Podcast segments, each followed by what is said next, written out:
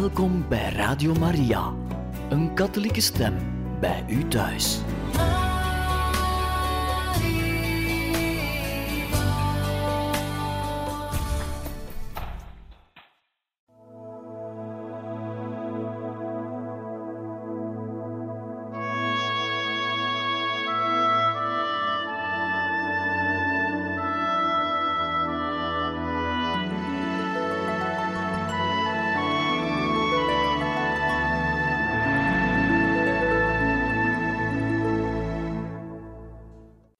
Welkom, beste luisteraars van Radio Maria, in het programma Heiligen Getuigen. We lezen u verder voor uit het boek Mijn levensverhaal, geschreven door de heilige Thérèse van Lisieux en bewerkt door Koen de Meester. We waren aangekomen aan het moment waarop de heilige Thérèse haar bedevaart, een pelgrimstocht naar Rome, zal ondernemen. Zij is 15 jaar. Ze heeft eigenlijk roeping om in de Karmel binnen te treden, maar zowel de vicaris-generaal van het bisdom Bayeux als de bisschop, Monseigneur Hugonin, willen toch voorzichtig zijn en willen eigenlijk de heilige Therese een beetje beproeven. En geven haar de opdracht, of de bisschop geeft haar de opdracht om een pelgrimstocht te ondernemen in eh, Italië. Die zal ze samen met haar vader ondernemen en daar vertelt ze ons over. We waren ondertussen in Venetië geweest samen met haar, verlaten nu Venetië en gaan naar Padua. Na Venetië zijn we naar Padua gegaan. We hebben daar de tong van de heilige Antonius vereerd. Toen naar Bologna waar we de heilige Catharina hebben vereerd, die nog de afdruk draagt van de kus van het kind Jezus. Er zijn heel wat mooie details over iedere stad te vertellen en heel veel kleine bijzonderheden over onze reis, maar ik zou geen einde kunnen vinden als ik dat deed, en dus zal ik alleen de belangrijkste details noemen. U hoort dat eh, deze tekst, die geschreven is door de heilige Therese van Lisieux, gericht is aan iemand. Het gaat over een eerste autobiografische manuscript gericht aan moeder Agnes, haar overste in de Karmel, die overigens ook haar zus was. Met vreugde verliet ik Bologna. Deze stad was voor mij onuitstaanbaar geworden vanwege de studenten waar de stad vol van was en die een haag vormden als we per ongeluk te voet weggingen maar het kwam vooral door iets wat me met een van hen overkomen was. En een kleine kanttekening hierover, dat is dat wij weten van Céline dat ze samen op het perron van het station stonden te wachten op hun vader om een rijtuig te nemen. De reize was erg knap en ze hoorden vaak bewonderende geluiden van mensen die langs kwamen lopen. Plotseling rende er een student op haar af. Hij nam haar in zijn armen en zei: Ik weet niet wat voor vleiende woorden tegen haar. Zo schrijft Céline. Hij wilde haar al meenemen. Maar, zei Therese, ik wierp hem zo'n blik toe dat hij bang werd, mij losliet en zich beschaamd uit de voeten maakte. Dat wat betreft dus dit gebeuren in Bologna. Ik was blij naar Loreto te kunnen gaan. Ik verbaas me er niet over dat de Heilige Maagd deze plaats uitgekozen heeft om haar gezegende huisje naartoe te verplaatsen. De vrede, vreugde en armoede heersen er als vorstinnen. Alles is er eenvoudig en nog authentiek.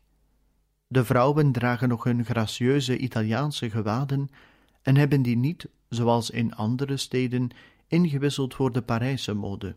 In één woord, Loreto heeft mijn hart gestolen.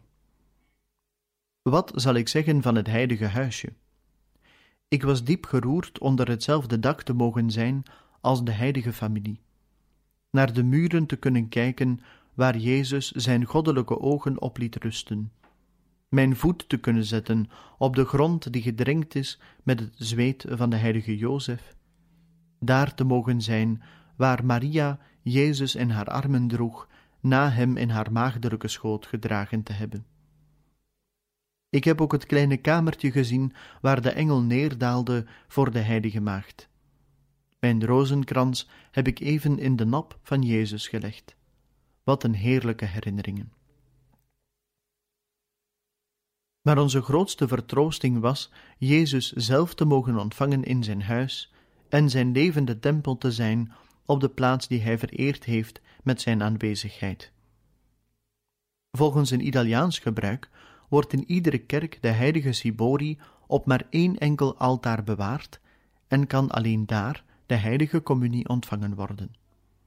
Dat altaar staat in de basiliek, daar waar zich ook het heilige huisje bevindt, dat als een kostbare diamant opgesloten ligt in een juwelenkistje van wit marmer.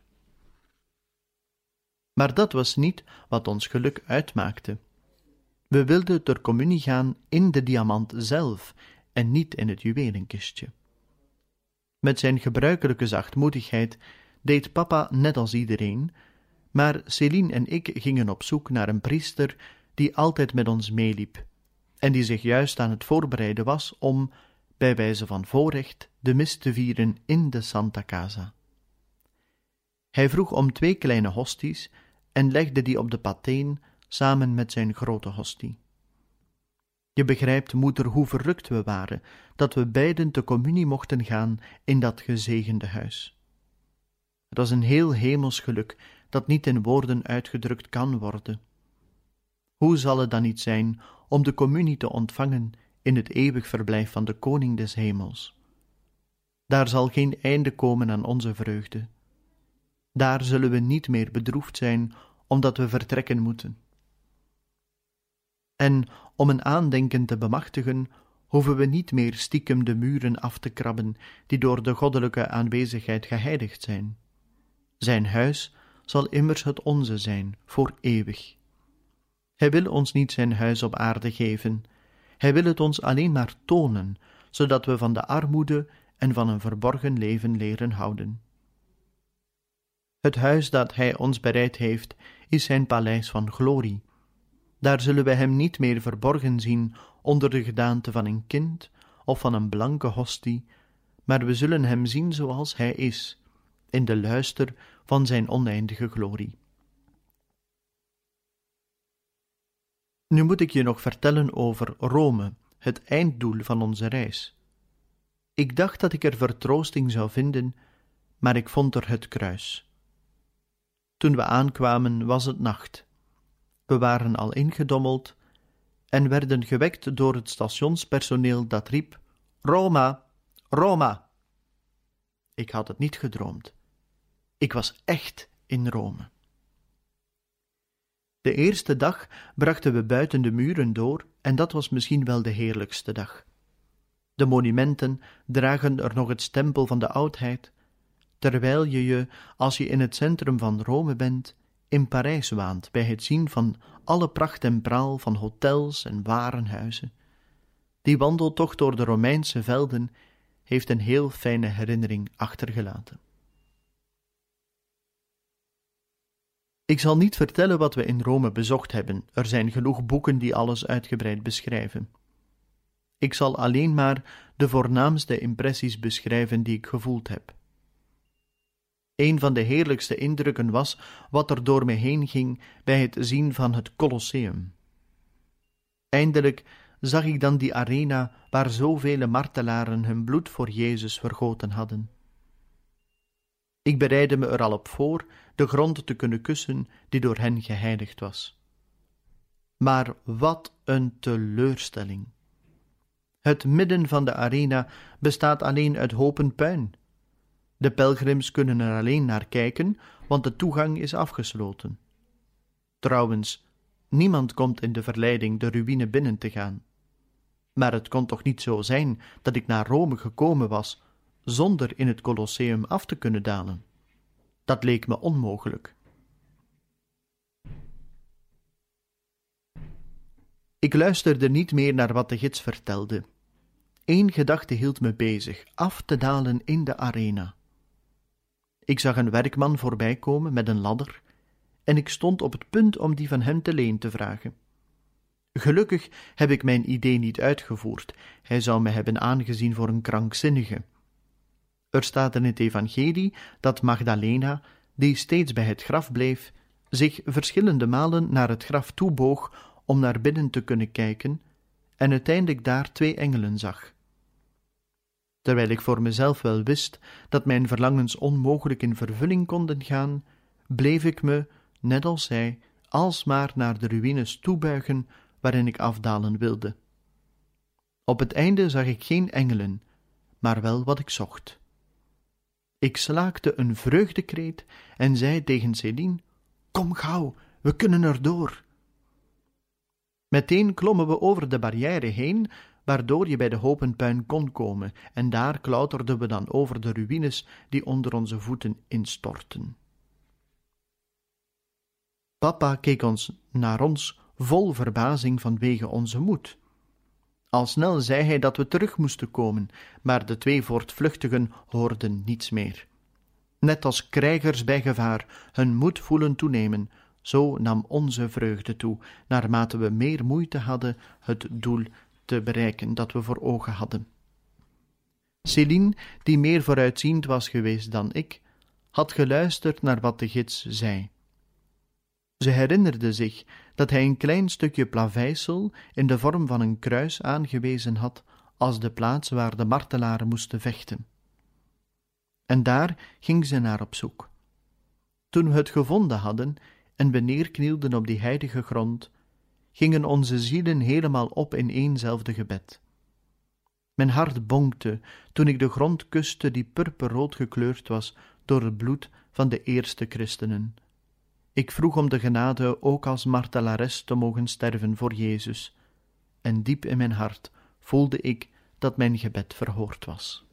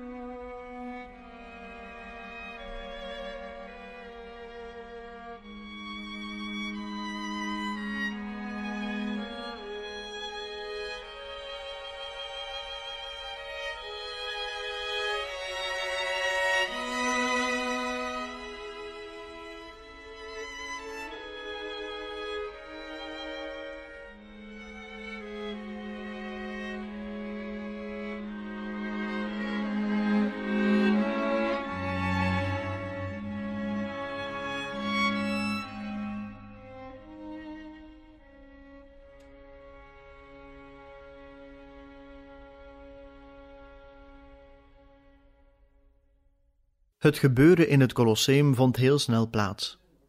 We pakten nog wat stenen en gingen terug naar de afgebrokkelde muren om onze gevaarlijke onderneming te hervatten. Toen papa zag dat wij zo gelukkig waren, kon hij eenvoudigweg niet op ons mopperen, en ik zag wel dat hij trots was op onze moed. De goede God heeft ons zichtbaar beschermd, want de pelgrims hadden niets gezien van onze onderneming. Ze bevonden zich verderop en waren ongetwijfeld helemaal in beslag genomen door de schitterende booggewelven, waarbij de gids wees op de augurken en hebzuchtigen die daarop bevestigd waren. Nog hij, nog de eerwaarde heren kenden de vreugde die ons hart vervulde. De catacomben hebben ook een heel diepe indruk achtergelaten. Ze waren precies zoals ik me had voorgesteld toen ik er de beschrijving van las in de levens van de martelaren. We hadden er een stuk van de namiddag doorgebracht, maar naar mijn idee waren het maar een paar momenten. Zo fijn is de sfeer die je erin ademt. Natuurlijk moesten we een aandenken meenemen uit de catacomben. We lieten de stoet wat van ons weggaan en samen lieten Céline en Therese zich tot op de bodem glijden van het voormalige graf van de heilige Cecilia. We namen daar wat aarde weg die door haar aanwezigheid geheiligd is. Voor mijn reis naar Rome had ik geen bijzondere devotie voor deze heilige, maar bij het bezoek aan haar huis, dat tot kerk is omgebouwd en dat de plaats is van haar martelaarschap, hoorde ik dat ze is uitgeroepen tot patrones van de muziek. Niet vanwege haar mooie stem of haar muzikale talent, maar ter nagedachtenis aan de maagdelijke zang die zij zong voor de hemelse bruidegom, die diep in haar hart verborgen was. Toen ik dit hoorde, voelde ik voor haar meer dan een devotie. Ik voelde een echte genegenheid voor haar, als voor een vriendin. Ze werd mijn lievelingsheilige en mijn intieme vertrouwelinge. Alles in haar brengt mij in verrukking, maar vooral haar overgave en haar grenzeloze vertrouwen, waarmee zij mensen die nooit andere vreugden verlangd hadden dan die van het huidige leven, tot maagdelijke zielen wist om te vormen. De heilige Cecilia lijkt op de bruid in het hooglied. Ik zie in haar een koor in een legerkamp, haar leven was één melodieuze zang, zelfs te midden van de grootste beproevingen. En dat verbaast me niet. Het heilige evangelie rustte op haar hart, en in haar hart rustte de bruidegom van de maagden.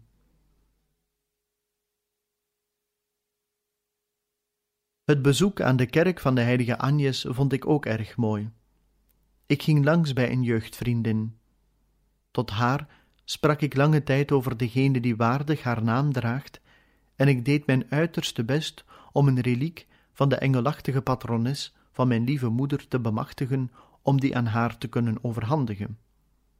Maar het lukte ons niet iets anders te krijgen dan een klein rood steentje dat loskwam uit een kostbaar mozaïek dat stamt uit de tijd van de heilige Agnes, en waar zij vaak naar gekeken zal hebben. Was dat niet lief, dat die beminnelijke heilige ons zelf datgene gaf wat we zochten, maar wat we niet zelf pakken mochten.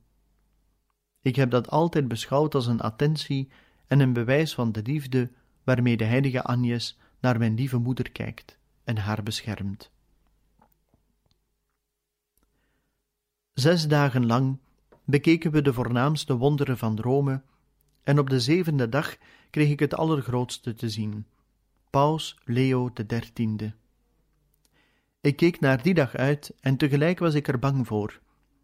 Van die dag hing mijn roeping af, want ik had het antwoord dat ik van monseigneur zou krijgen nog niet ontvangen. Uit een brief van jouw moeder had ik begrepen dat hij mij niet meer zo gunstig gestemd was.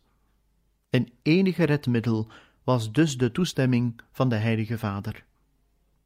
Maar om die te krijgen, moest ik erom vragen en moest ik in het bijzijn van iedereen durven praten, en wel tegen de paus. En ik bibberde bij die gedachte. Wat ik doormaakte voor de audiëntie, dat weet de goede God alleen en mijn lieve Céline. Ik zal nooit vergeten hoe zij al mijn beproevingen deelde. Het leek wel of mijn roeping de hare was. Onze wederzijdse liefde werd opgemerkt door de priesters van onze bedevaart. Op een avond was het gezelschap waarin we ons bevonden zo groot dat er te weinig stoelen waren.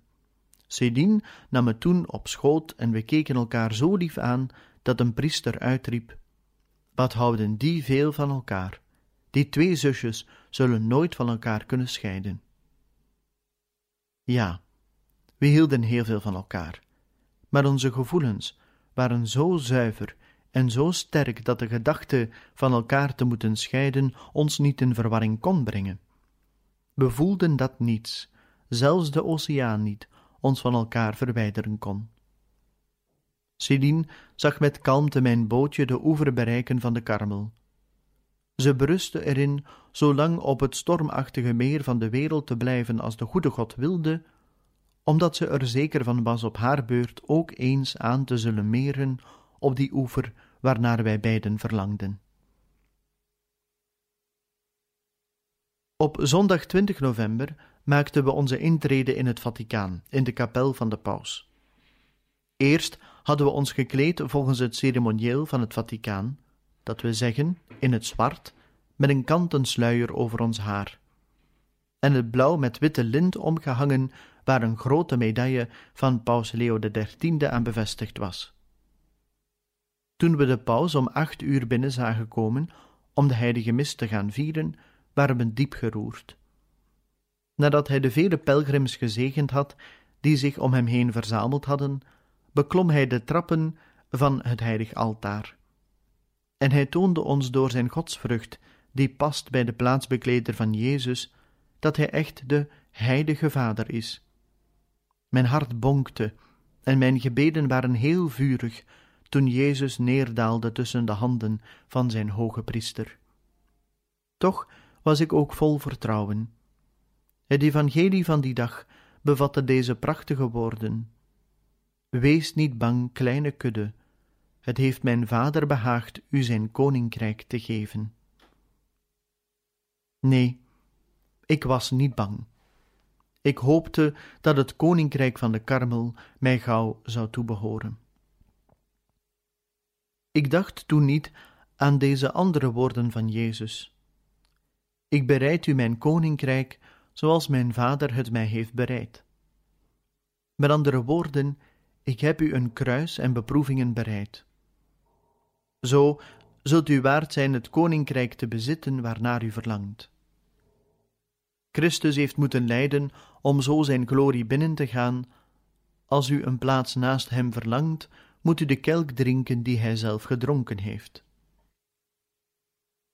De kelk werd me aangereikt door de Heilige Vader.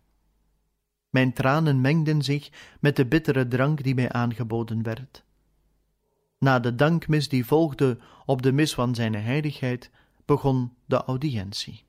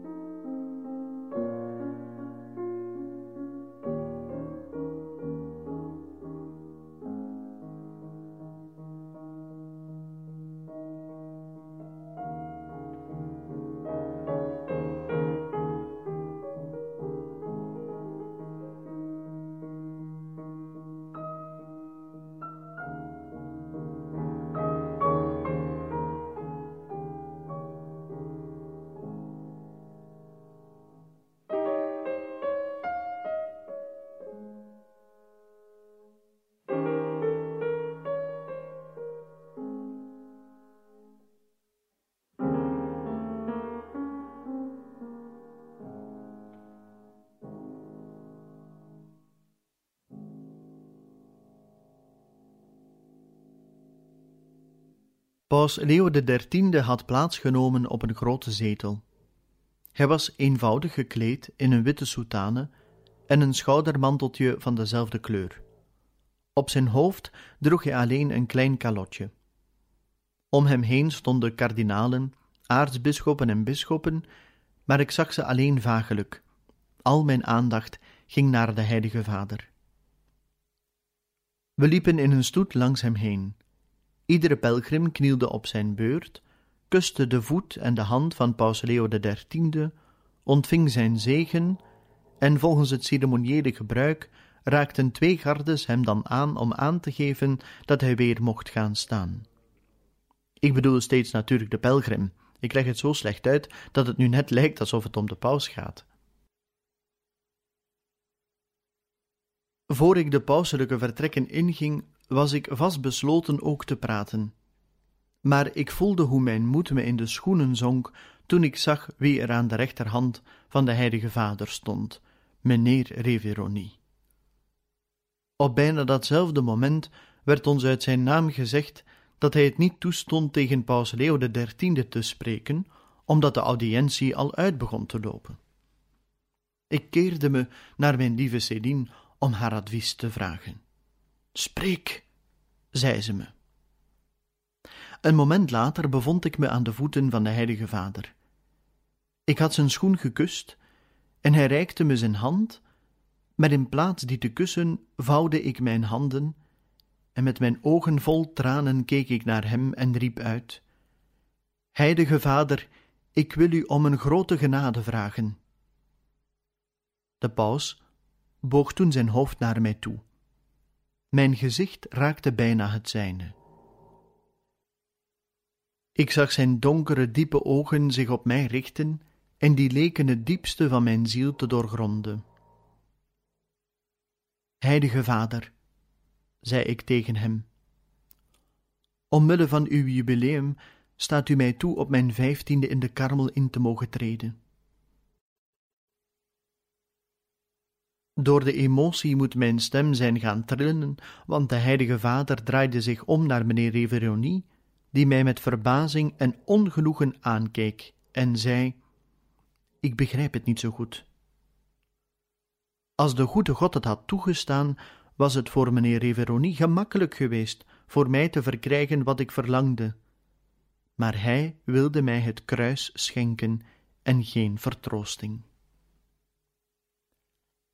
Heilige Vader, antwoordde de grootvicaris, het gaat om een kind dat op haar vijftiende in de karmel in wil treden.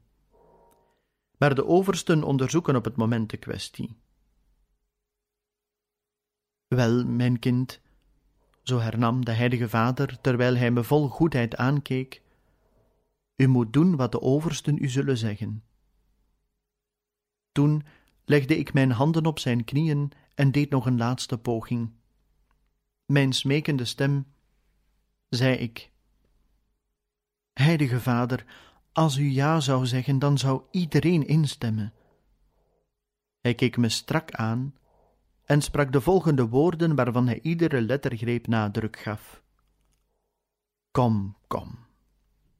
U zult intreden als de goede God het wil. De manier waarop hij sprak had zoiets doordringends en overtuigds dat ik het nog kan horen. De goedheid van de Heilige Vader moedigde me aan en ik wilde nog iets zeggen, maar de twee gardes raakten me beleefd aan om me op te doen staan.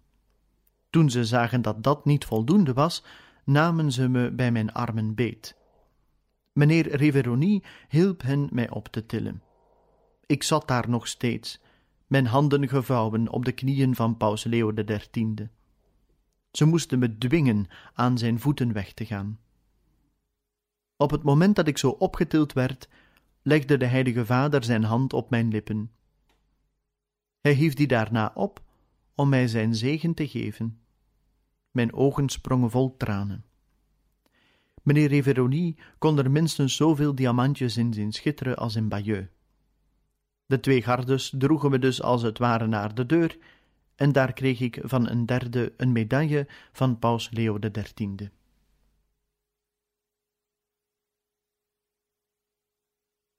Céline, die na mij kwam, was getuige geweest van het hele schouwspel. Ze was er bijna net zo van ondersteboven als ik, maar had toch nog de moed om aan de Heilige Vader een zegen te vragen voor de karmel. Meneer Riveronie zei met ontevredenheid in zijn stem: De karmel is al gezegend. Die goede Heilige Vader hernam met zachtheid: O ja, die is al gezegend. Voor ons was papa al voor paus Leo XIII neergeknield samen met de mannen. Meneer Reveronie was erg vriendelijk voor hem geweest en had hem voorgesteld als de vader van twee karmelitessen. De paus legde toen, als teken van zijn bijzondere goedgunstigheid, zijn hand op het eerbiedwaardige hoofd van mijn lieve koning. Het leek wel alsof hij op die manier een mysterieus zegel op hem drukte, in naam van hem wiens plaatsvervanger hij is. Nu is hij in de hemel, die vader van vier karmelitessen. Op zijn voorhoofd rust niet meer de hand van de paus, die zijn martelaarschap voorzag, maar die van de bruidegom der maagden en de koning der glorie, die het hoofd van zijn trouwe dienaar laat schitteren. Die aanbeden hand zal altijd op zijn voorhoofd rusten, het voorhoofd dat hij verheerlijkt heeft. Mijn lieve papa leed eronder mij helemaal in tranen aan te treffen toen hij uit de audiëntie kwam. Hij deed wat hij kon om mij te troosten, maar te vergeefs. Diep in mijn hart voelde ik een grote vrede. Ik had immers absoluut alles gedaan wat er in mijn macht lag om te beantwoorden aan wat de goede God van mij vroeg. Maar die vrede lag diep in mijn hart verborgen. Het was bitterheid waarmee mijn ziel vervuld was, want Jezus zweeg. Hij leek er niet te zijn. Uit niets bleek zijn aanwezigheid. Op die dag durfde de zon nog niet te stralen en de mooie blauwe Italiaanse hemel, die volgepakt was met donkere wolken, hield niet op samen met mij te huilen. Het was over. Mijn reis had nu niets moois meer in mijn ogen. Het doel ervan was niet bereikt. Maar eigenlijk hadden de woorden van de Heilige Vader mij troost moeten geven. Die woorden waren immers een profetie. Ondanks alle obstakels is gebeurd wat de goede God wilde. Hij heeft de schepselen niet toegestaan te doen wat zij wilden, maar wat Hij wilde. Al enige tijd daarvoor had ik me aan het kind Jezus aangeboden als zijn speelgoed. Ik had tegen hem gezegd dat hij me niet gebruiken moest zoals een waardevol stuk speelgoed waar kinderen alleen naar kijken, maar het niet aandurven raken. Hij moest me zien als een balletje zonder waarde dat hij op de grond gooien mocht of dat hij een trap mocht geven met zijn voet. Hij mocht het ook lek prikken of in een hoek laten liggen, maar ook tegen zijn hart drukken als hem dat plezier deed. In één woord, ik wilde de kleine Jezus vermaken. Hem plezier doen. Ik wilde me uitleveren aan zijn kindergrillen, en nu had hij mijn gebed verhoord. In Rome prikte Jezus zijn speeltje lek. Hij wilde zien wat erin zat. Toen hij dat gezien had en tevreden was over de inhoud, liet hij het balletje vallen en viel hij in slaap. Maar wat deed hij tijdens zijn slaap? En wat gebeurde er met het in de steek gelaten balletje? Jezus droomde dat hij zich nog steeds vermaakte met zijn speeltje. Hij pakte het steeds op en liet het dan weer vallen. En daarna, hij had het ver weg laten rollen, drukte hij het tegen zijn hart. Zo zou het nooit meer ver van zijn handje kunnen zijn. Je begrijpt wel, moeder, hoe verdrietig het balletje was omdat het op de grond lag. Toch bleef ik hopen tegen alle hoop in.